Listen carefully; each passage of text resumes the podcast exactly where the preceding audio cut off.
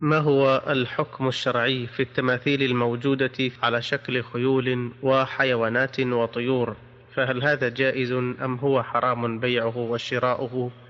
الحكم في هذه التماثيل الموجودة في البيوت سواء كانت معلقة أو موضوعة على الرفوف أن هذه التماثيل يحرم اقتناؤها ما دامت تماثيل حيوان سواء كانت خيولا أو أسودا أو جمالا أو غير ذلك.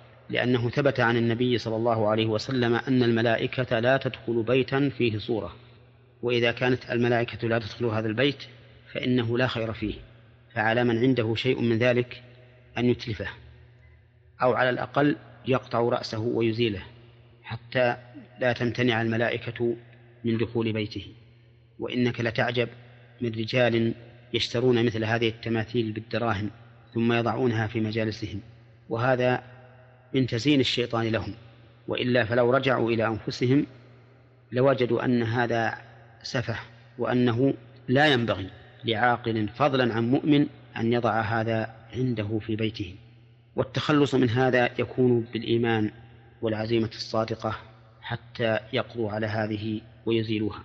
فإن أصروا على بقائها فهم آثمون في ذلك وكل لحظة تمر بهم يزدادون بها إثما. نسأل الله لنا ولهم الهداية. وأما بيعها وشراؤها فحرام.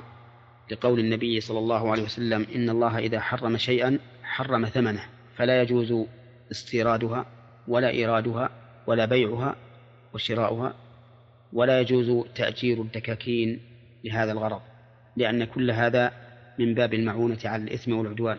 والله عز وجل يقول لعباده وتعاونوا على البر والتقوى ولا تعاونوا على الإثم والعدوان.